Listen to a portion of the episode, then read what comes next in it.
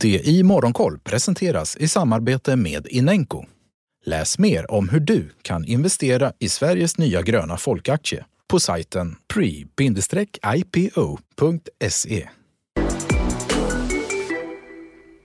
God morgon, välkommen till det i Morgonkoll. Uppåt i Asien, Stockholmsbörsen ser ut att reglera upp och terminerna för USA-börserna pekar mot en öppning svagt uppåt i eftermiddag.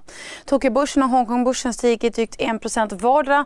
Börserna i Fastlandskina och i Sydkorea håller stängt till följd av det kinesiska nyårsfirandet. Hongkongbörsen och Singaporebörsen kommer också stänga tidigare än vanligt idag.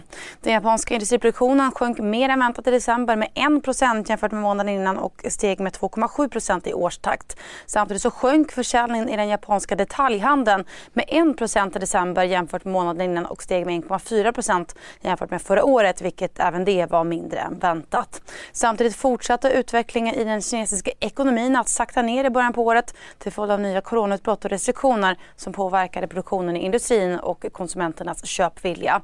Det kinesiska inköpschefsindexet för industrin sjönk i januari till 50,1 och inköpschefsindexet för den japanska eh, för den kinesiska tjänstesektorn sjönk också till 51,1 från 52,7 i december enligt statistik från Kinas nationella statistikbyrå. Samtidigt så sjönk industri-PMI i Caixin Markets mätning till 49,1 i januari vilket är det lägsta utfallet på 23 månader.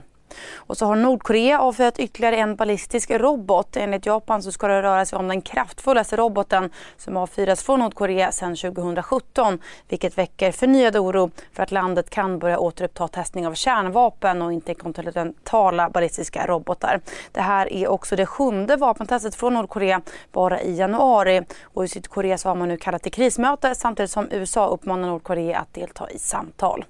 Oljepriset stiger ytterligare 1 idag och handlas kring sin högsta nivå på sju år samtidigt som marknaden fortsätter oroa sig. I de sekunderna när jag är i luften så är det en kamp på liv och död. I Spotlights serie Vinnarskallarna minns stjärnorna själva de dramatiska svenska sportögonblicken.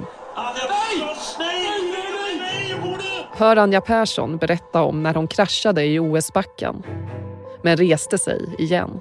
Jag ville vinna över berget. Vinnarskallarna. Nytt avsnitt varje fredag. Sök efter podden Spotlight. över de geopolitiska spänningarna och att detta ska leda till mindre utbud på marknaden. Brentoljan kostar 91 dollar fatet. Börserna på Wall Street stängde uppåt i fredags efter att ha inlett dagen neråt.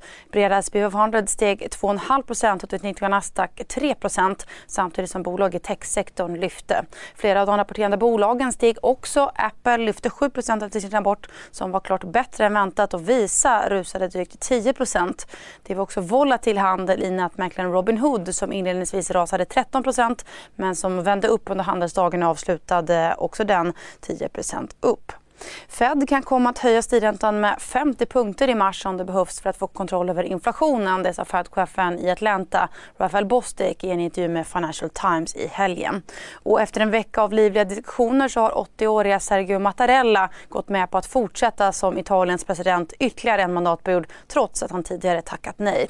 Samtidigt så tog Portugals premiärminister Antonio Costa överraskande hem en majoritet av rösterna i gårdagens parlamentsval. Hans socialistparti PS fick drygt 42 av rösterna och behöver därmed inte längre stöd av partier långt till vänster för att få igenom sin budget. Aktivistfonden Sevian med finansmannen Christer Gardell har byggt upp en post i brittiska teleoperatören Vodafone och ska ha diskuterat med Vodafone de senaste månaderna för att försöka få operatören att prestera bättre.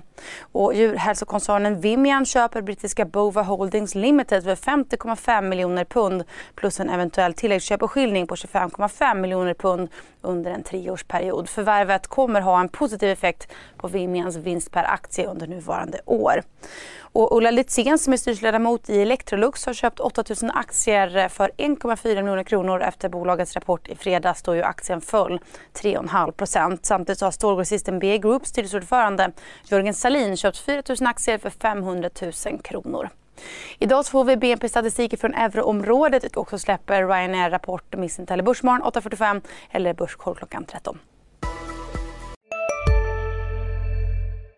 CSRD, ännu en förkortning som väcker känslor hos företagare.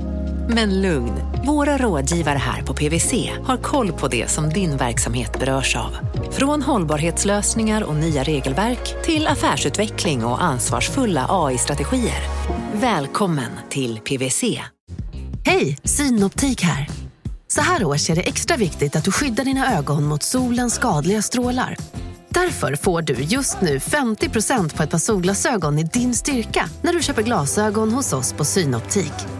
Boka tid och läs mer på synoptik.se. Välkommen!